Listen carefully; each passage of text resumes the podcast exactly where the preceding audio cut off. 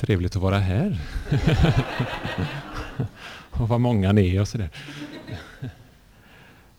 Eh, jag har, och det, det, när jag är ute och talar för musiker och präster och så, här, så är jag väldigt noga med att poängtera det här att jag har ingen som helst musikalisk skolning och då, tyck, då ser jag en sån där pust av lättnad sprida sig i lokalen. Jaha, han var inte diplomorganist, han var inte musik, eh, sån där körpedagog och sånt där. Jag är präst och har varit det i 20 år. Eh, jag började i Onsala i Göteborgs stift och var sen i eh, Ulricehamn sedan 93. Runt omkring mig finns Lena som ni har träffat. Eh, eh 6 plus 10, 11, 12, 18 får och 22 höns tror jag de är just nu.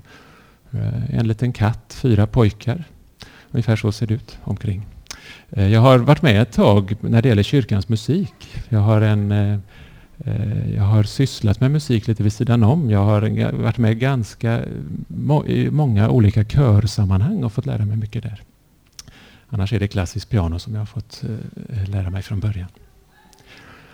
Och det är väldigt spännande när man börjar fundera kring det som bara en sån tanke som Helena sa här inledningsvis att nej, vi behöver ju inte musiken för vi, eh, vi behöver mat och vi behöver luft och vi behöver vatten och det här. Men musiken, behöver vi verkligen inte den? Finns det någon kultur i världen som saknar musik? Jag hade en föreläsning för ett gäng eh, lärda såna här musiker, ni vet såna där som har polokrage och kavaj. Eh, de, eh, då får man passa sig vad man säger. Och så sa jag till dem att, och det var en halvfull kyrka med sådana polokragar, så sa jag det att det finns inget samfund i världen i Kristi kyrka som har funnits utan musik. Eh, och där tog jag mig tydligen vatten över huvudet för att efter föredraget sen så kom det en, en av dessa polokragar fram till mig och sa att eh, Jo du, det var ett i England på 1600-talet. Men, men det dog ut.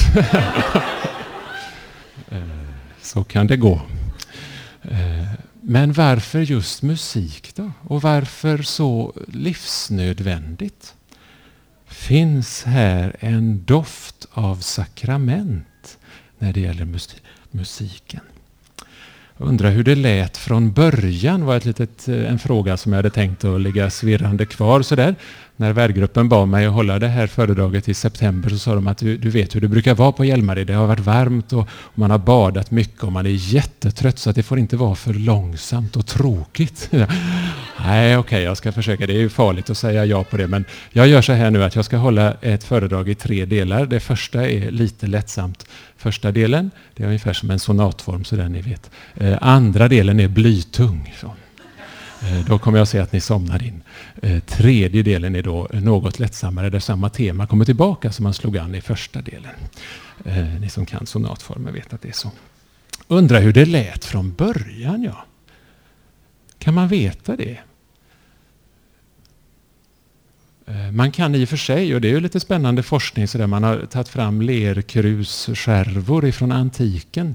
Och så kom någon på det att men, men hur gör man en vinylskiva egentligen? Jo, man ristar ju in ett ljud i material som råkar vara vinyl för att det är praktiskt. Men hur är det med lera egentligen? Och så plockade man isär dem där och satte dem under luppen och, och så kom ljudet fram ifrån krukmakarens verkstad för 2000 år sedan. För den hade ju snurrat precis som vinylskivan. Så, va? Eh, så man kunde faktiskt höra hur det lät i krukmakeriet för 2000 år sedan. Men vi hade ingen, inget krukmakeri i klostret eller i gudstjänsten där, där, där musiken förekom. Så frågan undrar hur det lät från början när det gäller kyrkans musik. Får jag låta hänga kvar ett tag. Temat för föredraget här ikväll var kyrkan i musiken. Musiken i kyrkan. Och jag börjar med kyrkan i musiken. Och frågan då undra hur det lät från början eh, tänkte jag faktiskt backa tillbaka, inte i kyrkans historia, utan i varje människas historia. Undra hur det lät från början. Eh, när min pappa låg i sin mammas livmoder, det var alltså hösten 1918. Då hade, han dog i maj förra året, 86 år gammal. Eh, då hade vetenskapen precis kommit fram till att små barn i mammas livmoder hör musik. Kan ni tänka er? Hösten 1918. Så Karin Sjögren, eh, advokathustru i Göteborg, gick och satte sig i Konserthuset som hon aldrig hade varit i och som hon tyckte var en av de tråkigaste platserna på jorden. Eh, och där satt hon. Eh, tog, köpte någon sån där abonnemangsbiljett och satt och, och hörde fruktansvärt tråkiga eh, konserter. Tyckte hon själv. Men undra vad det gjorde med det lilla fostret som sen blev Per-Olof Sjögren. Kan man ju fundera på. Eh, vad händer med det lilla fostret som hör musik? Och vad händer sen? När det lilla fostret föds fram och har siktet i blicken inställt på 19 centimeter, för det är ju det klassiska avståndet mellan bröstet och mammas ögon. Det fokus behöver liksom inte ändras utan det är 19 centimeter.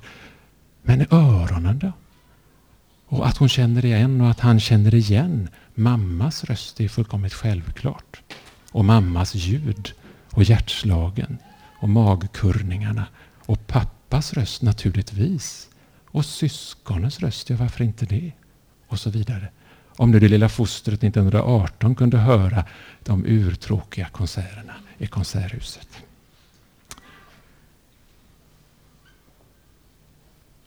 Jag tog med Jan Roar Björkvolds bok Den musiska människan.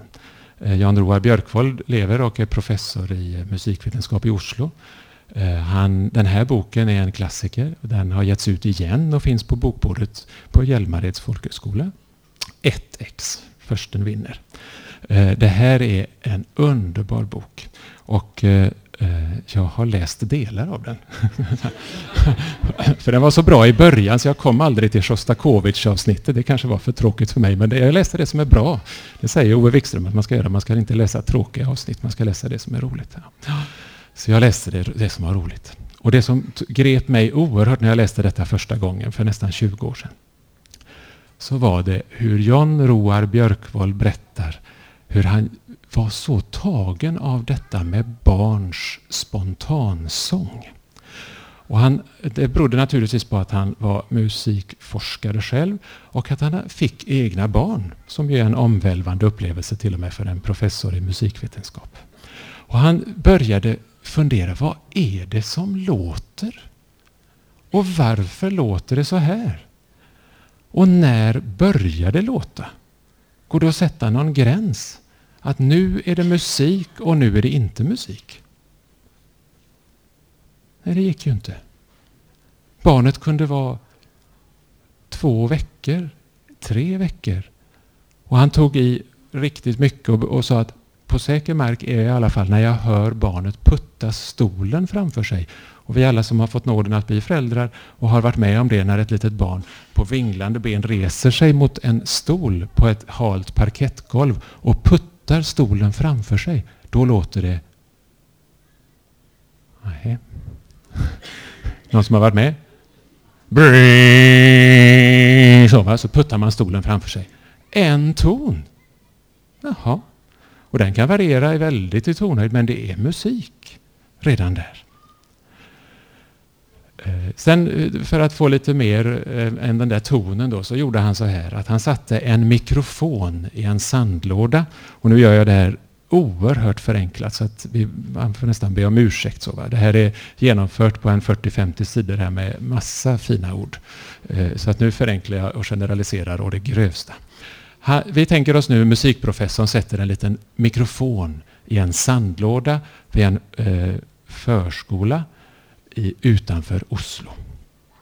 Och så spelar han in precis det som händer där. Alla ljud. Och det som vi hör som gurgel eller som brötande eller som hånfullt eller som lekfullt eller sådär. Och så spelar han in flera veckors lek där i sandlådan. Så lät han det gå en tid, bearbetade det, åkte iväg och gjorde själv samma iakttagelser genom att bo ett halvår i det som nu är Sankt Petersburg, dåvarande Sovjetunionens Leningrad. förskola utanför, i en förort utanför Leningrad. Spelar in vad är det som händer? Hur låter det? Och sen åker han iväg till andra sidan, eh, till Los Angeles, förskola utanför stan, spelar in hur låter det? Han menar, och nu vet jag att det finns andra musikforskare och det, det är ju alltid så när det är vetenskap, ni vet det är fotnötter fram och tillbaka och de garderar sig åt höger och vänster och sådär. Det finns forskare som, som säger att det här är vanskligt och det är svårt att förstå och, så och det är det. Men här finns alltså vissa punkter som är, går att generalisera fram. Eh, och jag kan bara ta det nu oerhört översiktligt som jag sa. Eh, till exempel den lilla tersen ner.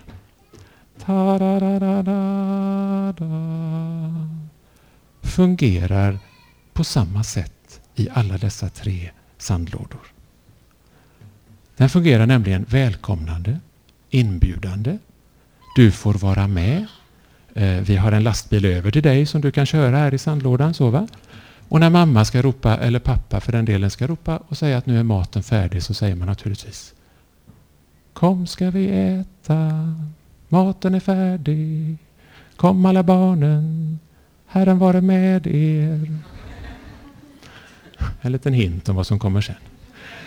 Eh, sen lade han märke till att då la man på en ton uppe på där.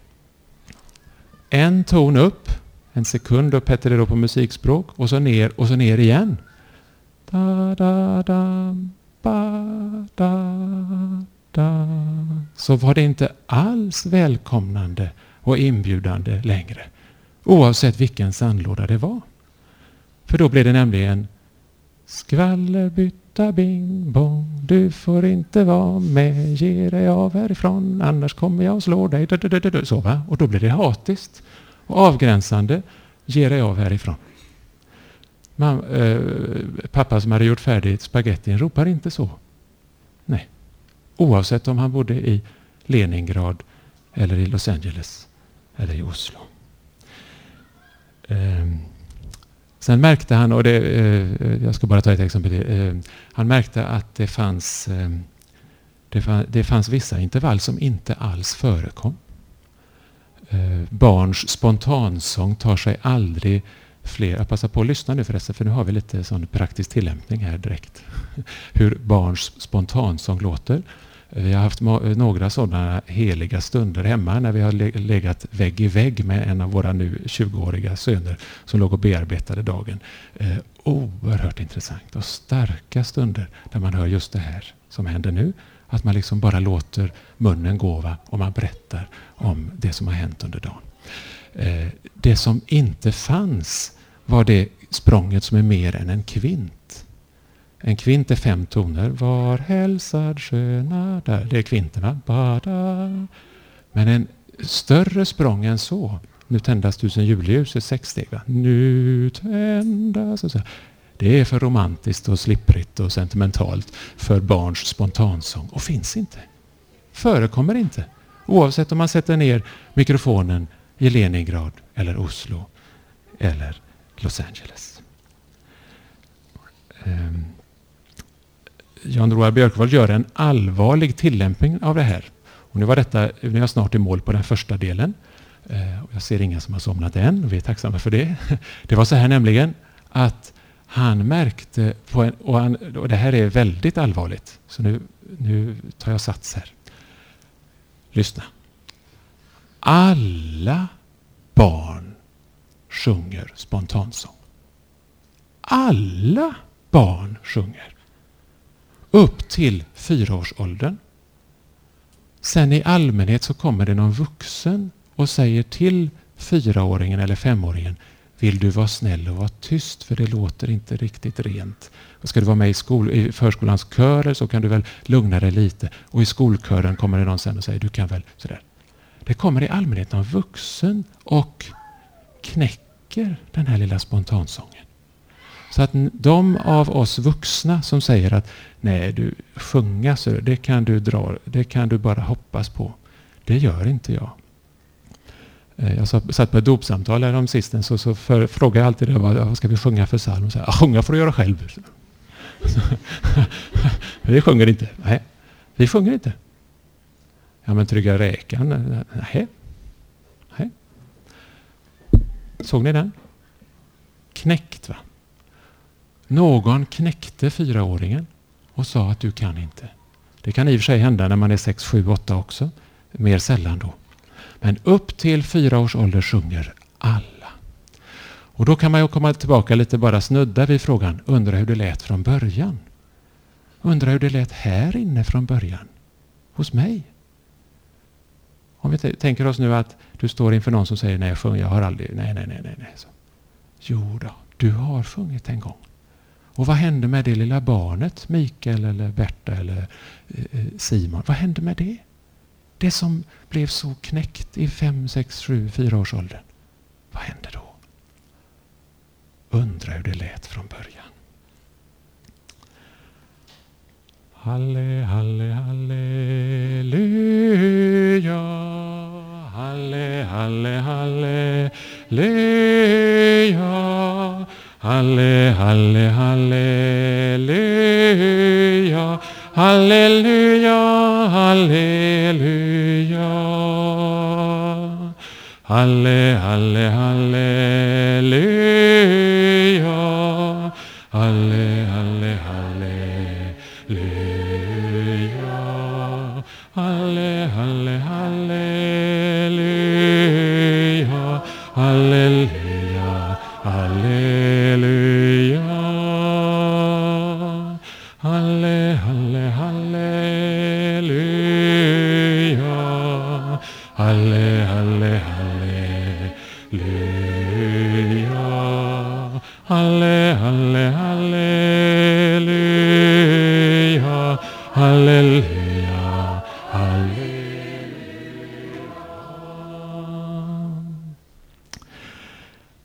Var det ju kyrkans musik det här skulle handla om och nu ska vi försöka spåna in på det. Halleluja är hebreiska och halleluja är eh, imperativ i andra person plural, plural, alltså en uppmaning till många att lovsjunga Jah, som är en kortform av Yahweh, Herrens namn.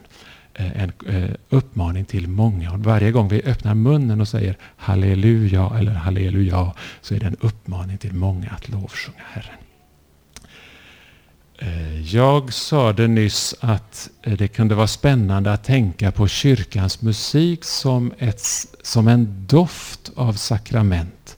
Och det var en sån där liten gummiformulering, så där lite töjbar så, där, så att ingen eh, lutheran skulle svimma här inne. För det kan hända att man svimmar om man får tänka sig att det finns fler än två, eller om det nu var tre sakrament som vi har i den lutherska kyrkan. Men tänk om det är så att det finns andra områden som, som har sådär lite, liten doft av sakrament. I västerlandet så är vi nämligen lite för bra på det där att, att dela in och det är Jan Roar Björkvolds tes som han driver genom hela de delar av boken som jag har läst, nämligen att vi i västerlandet är väldigt sektoriserande. Och vi delar in och vi rutar in mönster och vi tycker att precis så här ska det vara och det är bara så. Och först ska du lära dig läsa noter, förstår du lilla vän, innan du får börja spela blockflöjt. Du får inte börja musicera först, utan du måste lära dig eh, systemet först. Sen får du komma in. Och så. Och det sågar han som ni förstår längs med knölarna precis. Eh, och tänk om det är så att hela det här tänket att ja, men vi har det här, förstår du, vi i vår del av kyrkan, vi har, vi har två sakrament. Eh, dopet och nattvarden. Och så säger en del av oss i Lutherska kyrkan, nej men vi har tre sakrament, för bikten har Jesus minsann sagt till om också, och den får vi inte schabbla bort. Så vi har i den Lutherska kyrkan tre sakrament. Och samtidigt står hela den romersk-katolska världen och säger, nej vi har sju sakrament. Eh, och vad svarar den ortodoxa delen av världen, som ju är, är också många? Hur många sakrament har de? Eh, och då, då faller nämligen frågan. Man kan inte ställa en sån fråga till en ortodox teolog. Och härom sisten så ramlade jag på en bok ifrån eh, två romersk-katolska forskare som försökte eh, komma loss ifrån det här fyrkantiga mönster, inrutade mönstret att tänka. Och de hade hittat en definition av sakrament som kommer nu på skärmen. Eh, och den lyder så här. Sakrament är en verklighet i världen som avslöjar frälsningens mysterium därför att det förverkligar det. Och det var ju alldeles för sent på kvällen för en sån djupsinnig formulering, så därför läser jag det en gång till.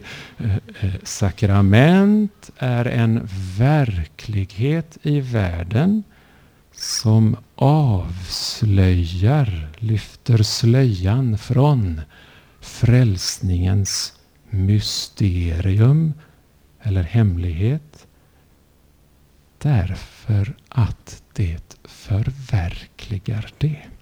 Och nu går vi in i den blytunga avdelningen som ni förstår. Verklighet står här på två ställen, alltså verklighet och förverkliga. Musiken är alltid verklig. Den är på riktigt och den är alltid nu. Det är alltså inte gudstjänst att sätta på en CD med senaste musiken. Det blir inte gudstjänst då. Eh, möjligen skulle jag kunna tänka mig att man skulle kunna sträcka sig till att sätta på en singback-CD och låta barnen sjunga till den. Om det är så att man saknar gåvorna till att kompa den sången. Men aldrig, aldrig en CD rätt in i en gudstjänst. För då är det inte verkligt längre. Och jag vet precis vad jag talar om. Jag har gått inför altaret efter ett griftetal till Bruce Springsteen och jag vet precis hur det känns.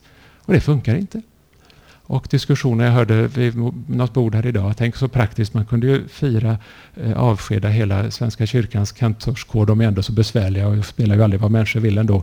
Eh, om man sätter, kör in hela psalmboken med förspel och grejer och preludier. Och det blir fantastiskt bra. Och så trycker man på 578 enter och så kommer den psalmen. Eh, och då är det inte verklighet. För det som gäller för ett sakrament gäller också för musiken i kyrkan att det måste vara nu. Och det är bara nu. Och det är alltid på riktigt. Och det är alltid nu. Och jag eh, undrar om inte Lars Björklund har en bok på ditt bokbord också? Sigtuna stiftelsens eh, titeln... Eh, jag ska inte fråga dig, men... Modet att ingenting göra. Ja. Ja, det kände du igen, Ser du? Ja. Modet att ingenting... Där utvecklar han det här som jag nu drar oförskämt snabbt också eh, mot Lars, men vi tänker oss att han tycker om det ändå. För att det här är nämligen bra. Eh, varje människa har ett nu eh, som vi lever precis just nu. Och här lever vi och vi relaterar eh, bakåt. Här har vi vår historia. Vi har eh, föräldrar och vi har syskon och vi har hur vi bor och hur vi lever och vi har åkt hit och allt det här. Det är historia. Och vi har med oss det in i nuet. Här. Vi lever också i en framtid. Så ja, tack. Eh, vi, vet, vi tänker oss hur framtiden ska bli. Jo, när jag, ska, när jag blir pensionär, då ska jag och så vidare. Va? Eh, nuet, vi, vi har med oss också sådana tankar in i nuet. Det här det är här vi firar gudstjänst. Och parentes nu då, så finns det ju människor som lever med ett förkrympt nu. Alltså som ett litet russin. Och lever bara häråt. Ibland stöter jag på dem på ålderdomshemmen och så. Va? Tänk så bra det var förr. Ju förr desto bättre. Och ni vet allt det här att måste, det måste vara som eh, och gamla Fader vår och det ska minsann vara som allt. Och så, och så riktar man sig bara bakåt. Likadant kan man ju stöta på eh, tonåringar som knappast lever här alls. Är bara russin. Va? För att de, ja, när jag vinner på Bingolott eller när jag liksom får den där miljonen, när jag kommer till Tyskland och får mitt toppjobb på Porsche och allt det där. Va? Så är man liksom bara någon annanstans. Och nuet finns inte. Eh, det finns människor, återigen parentes då, som särskilt i krissituationer, då sväller nuet upp och blir kolossalt stort. Eh, och det gör att eh, vi som jobbar med eh, själavård vet att det går inte att komma dragande här när en människa lever i kris med någonting som kommer här borta. Du har just mist din fru i cancer. Ja, men du vet, det är som spårvagnen, det kommer alltid en efter. Så det, det funkar inte. va? För då drar man ju in någonting annat in i... Nu är det den blytunga avdelningen bara, så ni... Så Då drar man ju någonting helt annat in i nuet. Och likadant här. Ja, men tänk på så fint ni hade det. Ja, vad hjälper det mig nu? när hon är död. Eh, så småningom efter krisen och när man får hjälp att komma eh, så, så, så tunnar det här av och det blir det här någon sorts normal nu igen. Då, va? Men det som, eh, tillbaka till ämnet, kyrkans musik är alltid nu. Och då blir det ganska provocerande att säga det egentligen. Det betyder att man kan använda kyrkans musik jättebra in i en krissituation. För det är nu. Och den människan har bara nu. Och det är därför som en begravningsgudstjänst innehåller ju massor mer musik än prat. Eh, det kan vara svårt att, att nu är det så med en del av de här här nere vid russinet och så, att de använder sig också av musiken för att längta bort och så. Och då, då använder man ju oftare då den inspelade musiken för att rikta sig någon annanstans. Men det här att vi eh, handlar om nu är alltså inte bara en eh, sån där trendgrej att säga, utan det är faktiskt riktigt vasst. Va? Att sakrament, förverk, musiken som, som doft av sakrament förverkligar Eh, och finns i verkligheten nu. Man kan eh, eh, tänka sig så här, om, om vi gör en jämförelse, tänker vi nu att, att musiken är som doft av sakrament. Då, va? Och så tar vi de andra sakramenten i vår kyrka och kanske den romerska kyrkan också, tänker oss bikten, alltså försoningens sakrament. Eh, den är ju inte bara nu, bara då, när jag föll på knä och fick ta emot förlåtelsen, utan biktens sakrament sträcker sig framåt och bakåt. Jag ska ju inte bara få förlåtelse för det som har varit utan jag ska ju också eh, leva i försoning. Romerska kyrkan har äktenskapet som ett sakrament.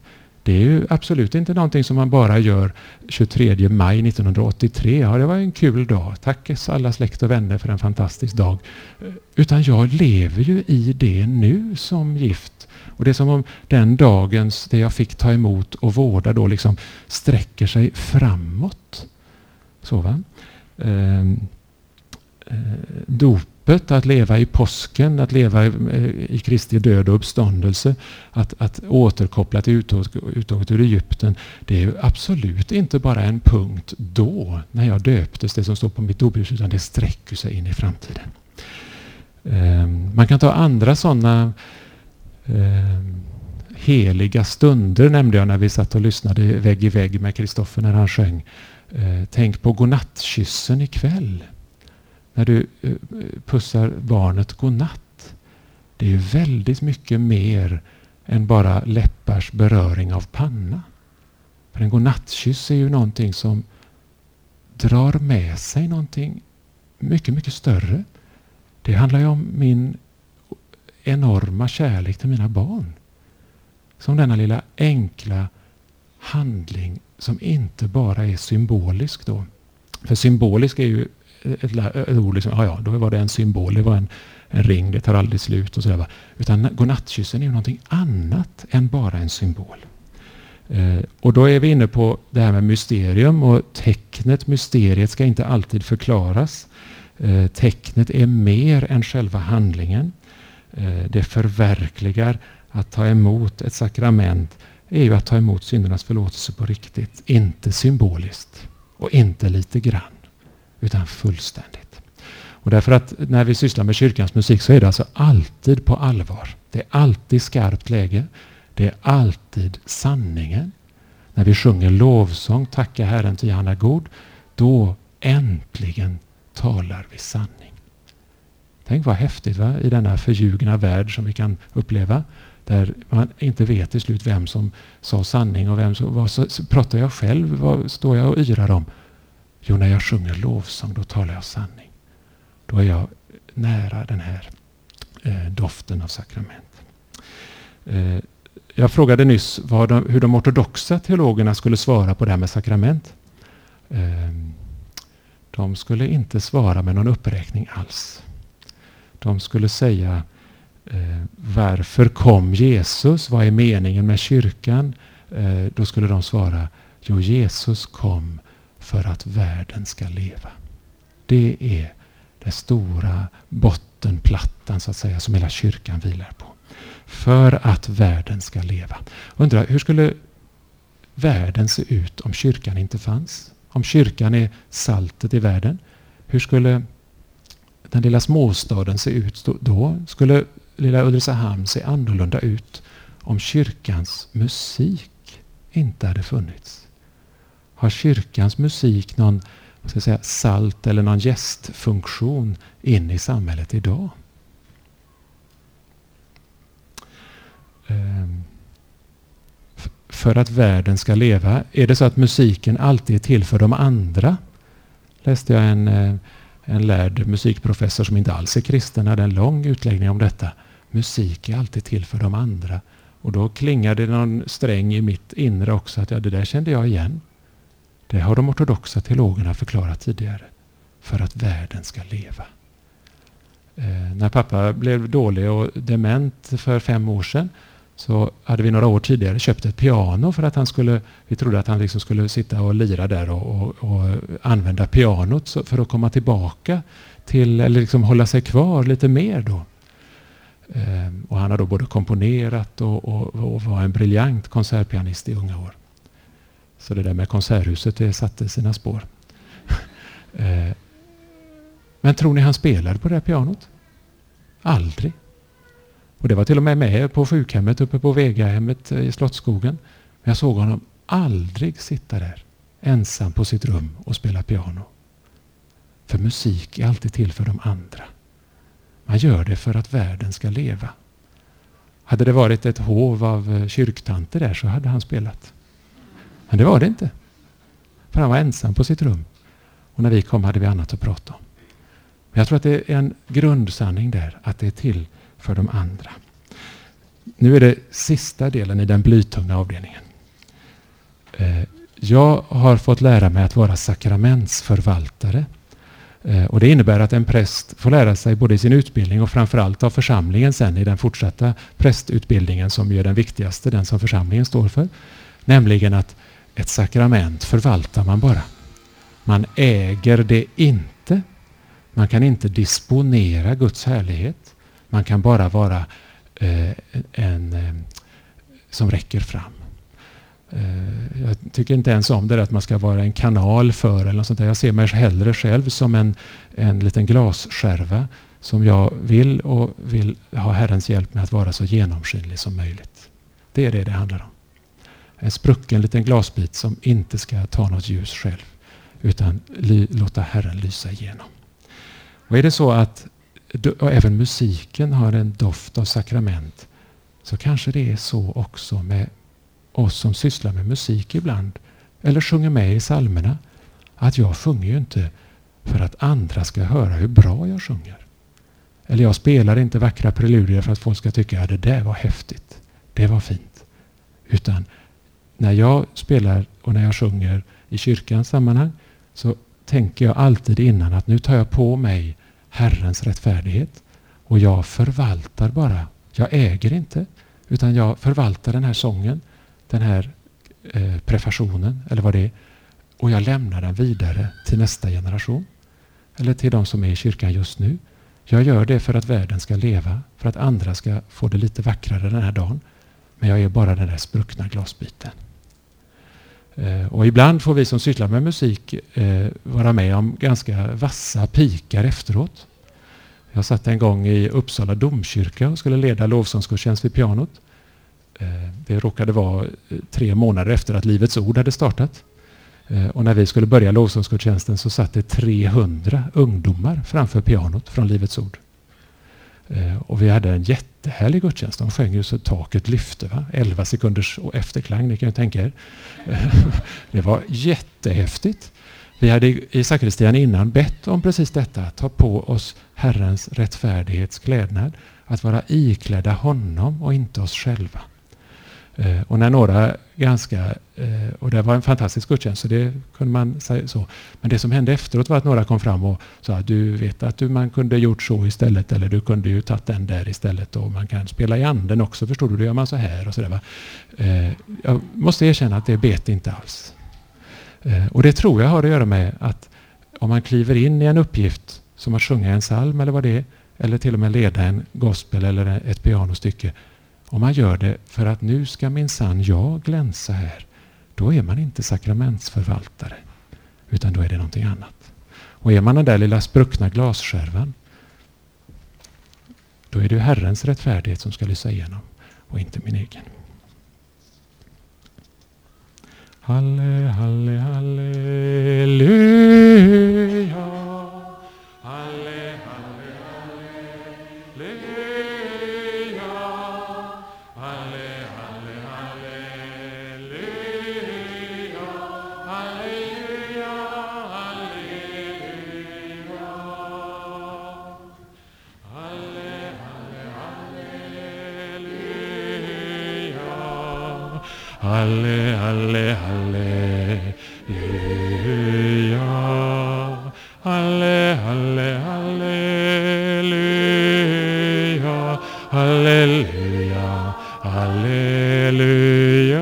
Halleluja. Stå upp och sjunga samma sång igen. Halle, halle, halleluja. Halle, halle, halleluja. Halle, halle, halleluja. Halleluja,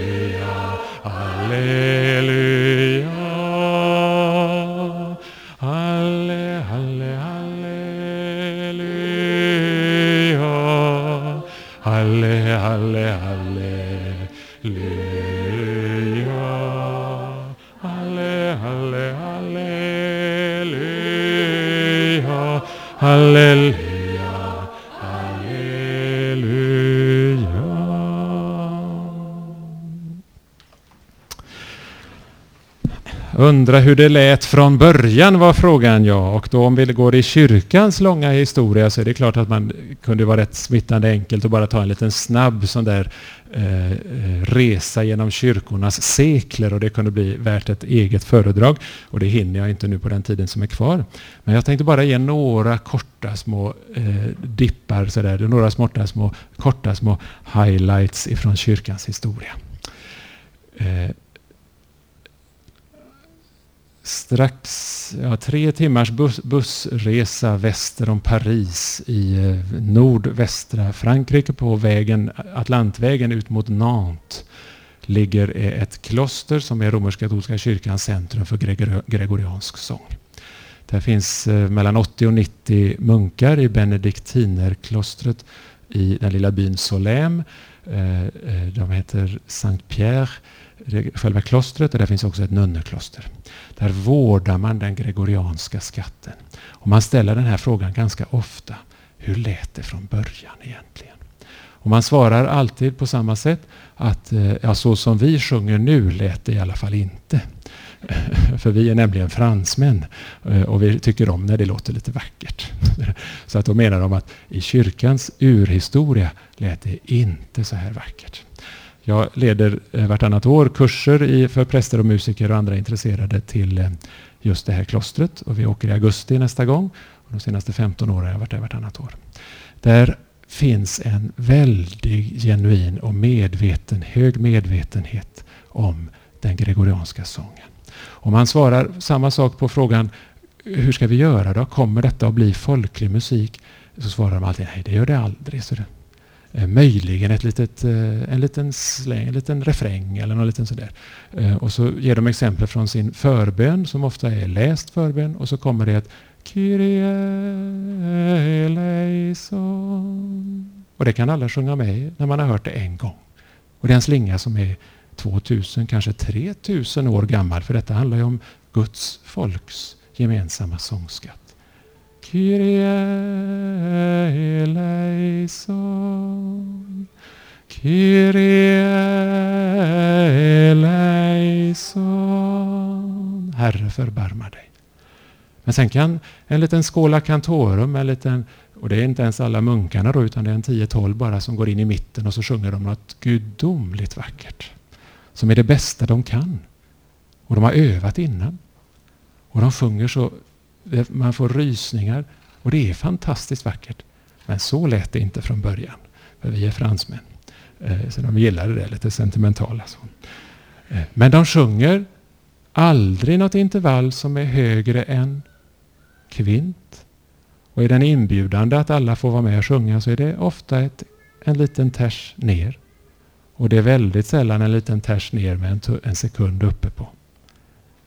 Och man kunde ta en slinga som kunde varit ett introitus på påskdagen eller på Kristi himmelsfärdsdag kan låta så här.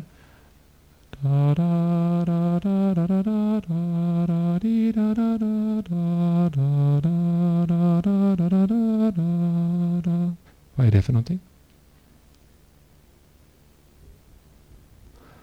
Vilken söndag är det introitus på? Här sitter ja, Magnus han såg det. Du var på gång där. Var det det? Schlagerfestivalen 1999 eller 98. Nanne Grönvall, Här dansar hon med den vilda. Eh, ja, det var det. Och varför tog jag det då? Jo, för det är världsmusik. Och världsmusiken är internationell och finns nästan på alla kontinenter och har samma sak, aldrig högre än kvint. Gärna intervall tvärs ner. Eh, enkla tonfall sådär va. Eh, en ton på varje stavelse till exempel. Da dansar hon med den vilda. Da, di, da. Det är enklaste formen av gregorianik. När det blir sån här melismatisk, alltså så är det mycket svårare att hänga med. Men världsmusiken är totalt ense med, och då börjar man fundera, vad är det som gör att de diskoteken nere på kontinenten fortfarande avslutar sina häftiga kvällar med spanska benediktinermunkar? Det var inte en fluga bara på 90-talet. Utan de kör fortfarande en introitus från Kristi himmelsfärdsdag där efter den sista öslåten. Vad kommer det sig? Jag undrar hur det lät från början. Jag tror att svaret finns i det som du hör där i bänken just nu. Barnets spontansång. Och det finns kopplingar mellan den gregorianska sången och sandlådan och godnattsången och bearbetningen av dagen. Om man då skulle göra en sån där försök till resa genom seklerna så kan man göra det på massa olika sätt. Va? Men jag skulle bara vilja slå an en ton då som skulle försöka vara lite lättsammare nu. Det är svårt att lova det, men vi kan väl se. Det är nämligen så här att eh, om man mäter delaktighet eh, så kan man se att det har gått i otroliga svallvågor i kyrkans historia. Det finns alltså perioder i kyrkans historia där det inte alls var någon delaktighet. Där man inte skulle vara med och sjunga. Eh, och när kyrkan har sett det så har man oftast underifrån försökt att göra någonting åt det. Och sen när det har väl vuxit sig så starkt eh, så att det har blivit en rörelse att tala om så har kyrkans ledning försökt rätta sig i ledet så att säga, va? och säga oj då, eh, ja visst ja, så här kan det inte vara. Nu måste vi göra någonting. Eh, och när det kommer underifrån så där så är det något organiskt växande. Till exempel detta att man i den gregorianska sången då, kyrkans första århundraden, man sjöng ju samma sånger som Israels folk sjöng naturligtvis. Saltaren var det man sjöng. Eh, det var Jesu egen bönbok. Eh, tänk om man fick låsa in alla psalmförfattare och, och, och, och tonsättare och, och, eh, bibelvis tonsättare med saltaren i två veckor. Vad skulle hända då? För där finns en enorm skatt av, av lovsång, av tyngd, av gudsnärvaro, av doft av sakrament. Eh, man sjöng saltaren och man visste precis hur man skulle sjunga. Man kom ihåg hur man skulle sjunga för man hade hört hur de sjöng eh, i Milano eller i Alexandria eh, eller i Jerusalem. Men sen så småningom så tappade man det där. Och underifrån växte då ett litet system som, som på grekiska hette att man skrev små vinkar om det där hur det skulle vara.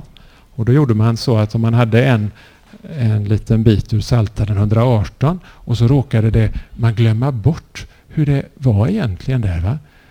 Tacka Herren, tacka Herren ty han är god. Eller var det tacka Herren ty han är god? Hur var det egentligen?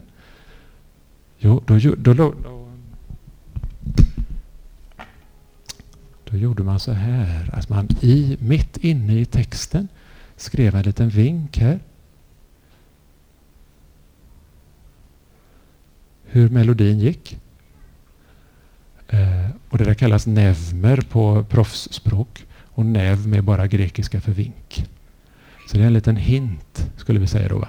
om hur det egentligen ska sjungas. Och den där, sen så blev det ju så att det var ingen som fattade det heller. Eh, och så glömde man av det. Eh, och sen så gjorde man lite fler. Och sen så rätt vad det var så fanns det en linje här. Eh, för då var det betydligt enklare att se var de här hinterna, vinkarna tog vägen. Och så blev det två, och så blev det tre och så blev det fyra linjer.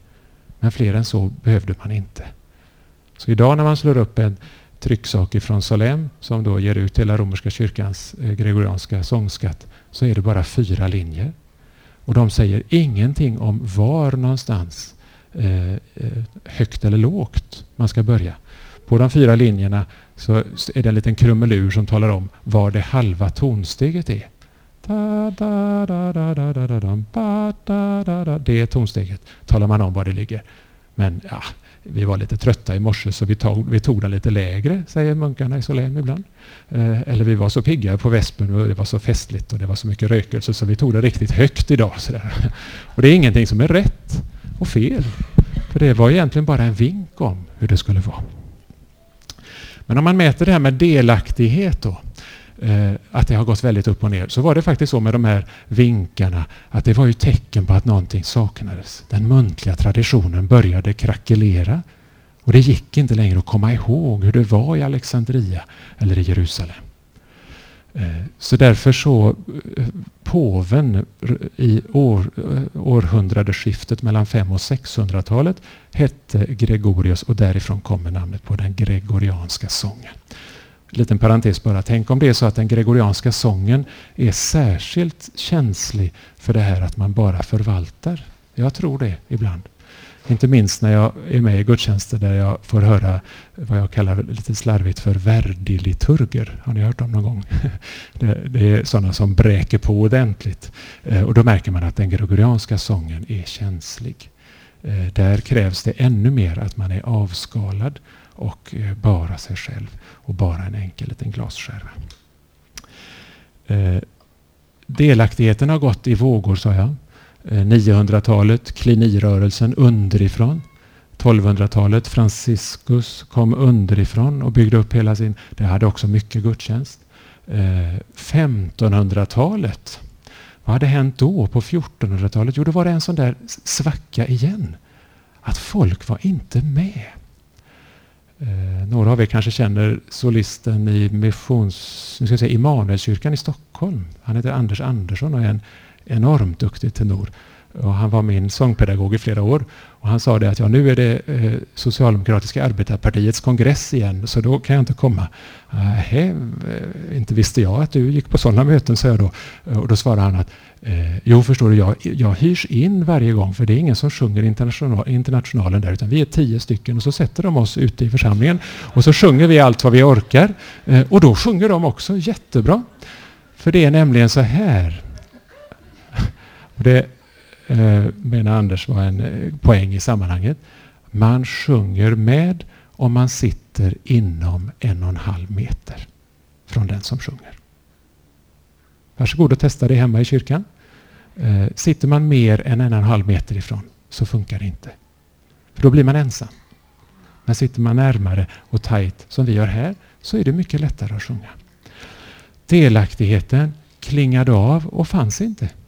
Och så var det nu på 1400-talet. Och jag bara tar det som ett litet exempel och några av er har hört det massa gånger. Eh, men det kan ändå vara faktiskt rätt uppfriskande att komma ihåg det igen. Eh, när Martin Luther, naturligtvis i samklang med eh, boktryckarkonstens explosiva spridning över eh, västerlandet, när han upptäckte att hallå, de är ju inte med. Vad gör man då? De sitter ju bara och lyssnar, men inte ens det. De sitter ju och sover vet vanliga eh, paret Buch vad, vad det handlar om. Varför firar vi jul? Och jag tror, eftersom böckerna inte fanns då, så tror jag kunskapen var jättedålig. Eh, och det Luther gjorde då, eh, om vi tar det kort, var ju att han gick ut och lyssnade. Hur sjunger folk? Och var, var är de? I vilka sammanhang? Hur växer musiken? Eh, och då hörde han klämmiga folklåtar som gick att dansa till på Bierstuben i Wittenberg.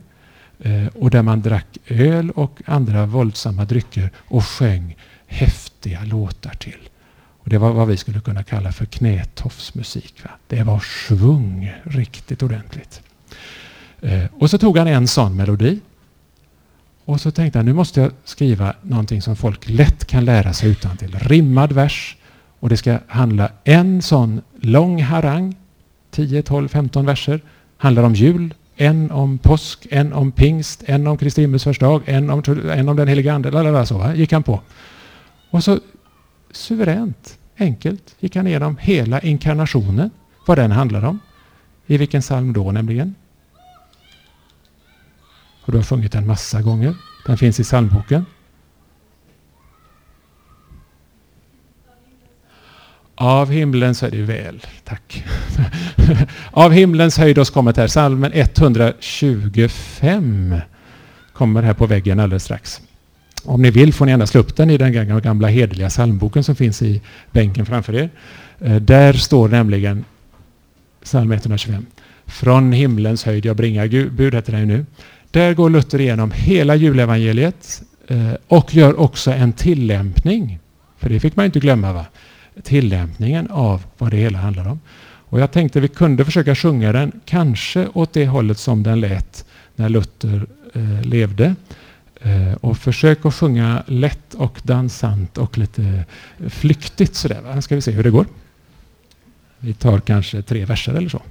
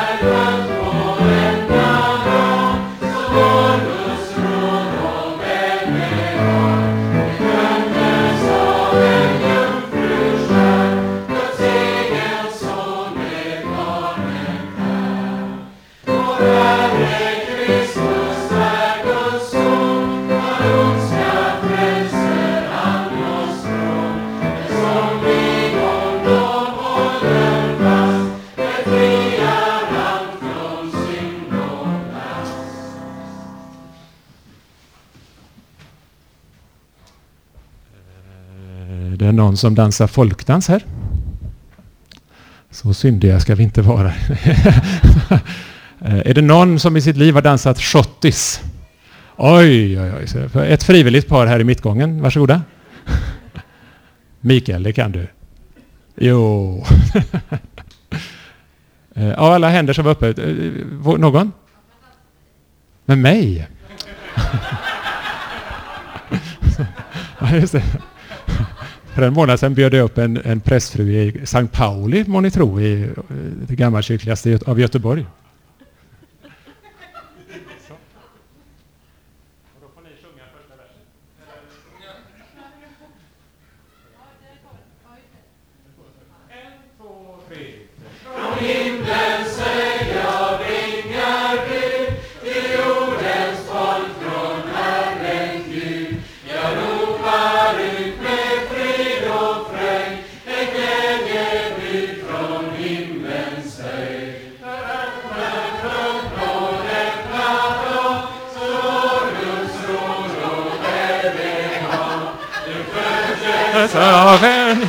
Jungfru.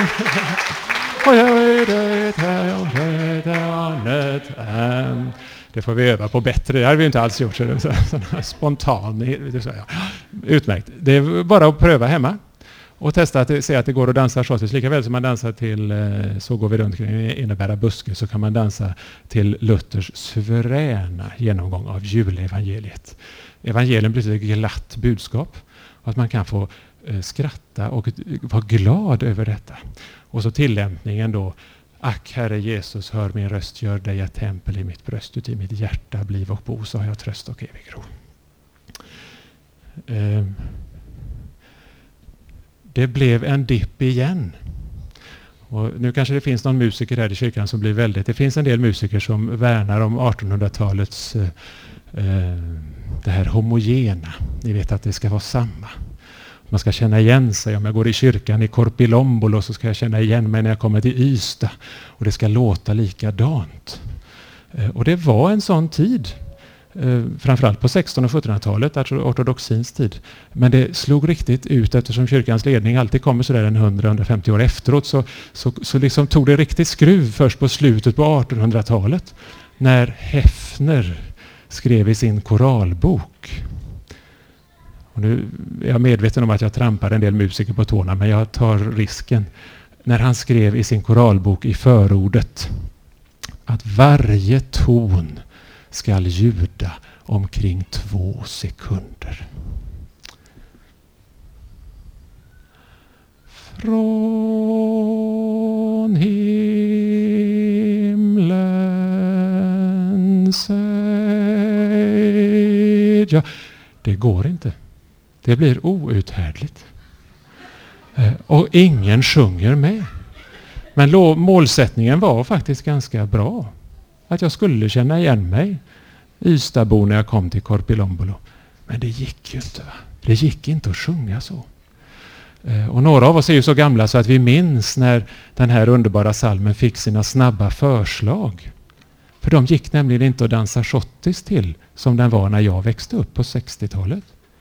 Från himlen säg jag bringar Andningspaus. Ta, da, da, så. Och då hade musiken dött. Då var det inte svung längre. Och det Luther hade hört på Bierstuben i Wittenberg hade precis försvunnit. Eh, så att det hände någonting som var väldigt bra på slutet på 60-talet och 70-talet när man hittade tillbaka till det här att det skulle ju faktiskt vara svung i det. Va? Och det blev det med de korta förslagen.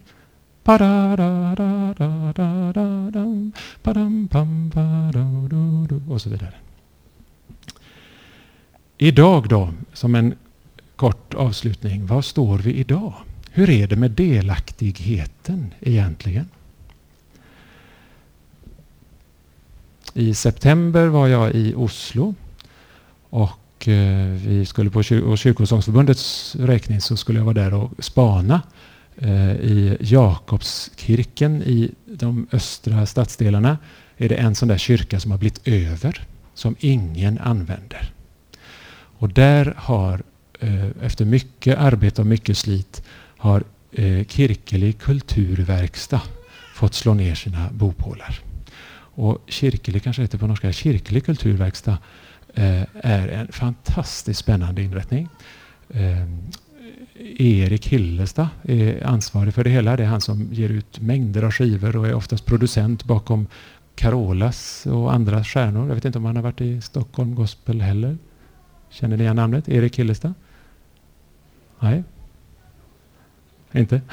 Uh, han är mycket ute i världen. Han har satt som, de har gjort som, som, som sin grej så att de spelar in musik på spännande platser. Alltså man åker till Ground Zero i, i New York och spelar in särskild musik där, just där med stora stjärnor. Uh, och så har de ungdomsmässor varje söndagkväll klockan 22 i Oslo, i Jakobskirken. Alla får komma dit. Under, det är framförallt för studenter. Och så kom vi dit Eh, och så hade vi höga förväntningar. Och så kom vi till en kyrka som var helt nedsläckt och, och vi leddes upp på ett, en sorts åskådarläktare på, där orgelläktaren en gång hade varit. Eh, och så var det spotlights och det var proffsiga, proffsiga musiker och det var skådespelare som läste bibeltexten och det var ingen som sjöng med och vi satt där på åskådarplats och bara lyssnade. Och det var en perfekt framförd mässa med underbara texter som vi fick i ett litet blad. Ingen var med. Eh, men det var en underbar mässa att lyssna på. Och så frågade vi honom efteråt, sen på förmiddagen, på måndag förmiddag, men, men varför var folk inte med då? Och då svarade han att ja, vi har prövat. Vi satt i hästsko först, för det är klart att det ville vi att man skulle göra om man skulle vara med. Men ungdomarna ville inte det. Så för, för, att få ungdomarna idag att komma, och då ligger Kirkelig kulturverkstad verkligen i framkant va? på hur tuffa storstadsungdomar tänker. För att få ungdomar att komma så var vi tvungna att sätta dem på läktaren. För de vill bara titta på. Och de vill helst sappa bort oss när vi är för tråkiga. Och då eh, högg tag djupt i mitt här. Jag kände att hallå, vart är vi på väg? För så här vill vi inte ha det. Nej, sa Hillestad, det vill vi verkligen inte. Men vi måste anpassa oss till ungdomen idag. Och då började jag räkna upp så där i, i tanke, så här, hur många sammanhang har vi där, där vi får vara delaktiga och får vara med? Vad finns det för musik, vad finns det för sammanhang där det, där det glänser till? Va? Och där ungdomar också vill vara med. Ett sånt är ju TC. Eh, den är kommuniteten i södra Frankrike med 6, 7, 8, 12 000 ungdomar denna vecka från hela världen. Ett annat är kommuniteten Iona i Skottland. Några av böckerna och skivorna finns här på bokbordet också. Vad är det som gör att musiken härifrån, Halle, Halle, Halle, varför funkar det? Jo, det är beprövat. Man har testat först innan man tryckt upp en psalmbok. Och man har kört det i jorden och sett vad hände egentligen. Kunde jag vara delaktig? Kunde den tuffa eh, tonåringen med kollegieblock i örat och kedjor här och var och så, kunde hon också vara med? Ja, det kunde hon. För det var busenkelt att lära sig. Och det var repetitiv musik om och om och om och om igen. Och då glimrar det till. Va? Här, eller i gospeln, eller i TC, eller vad det är. Vad är det som gör att det funkar? Jo, för att det är beprövat. Och sakrament är alltid verkligt. Och nu på allvar.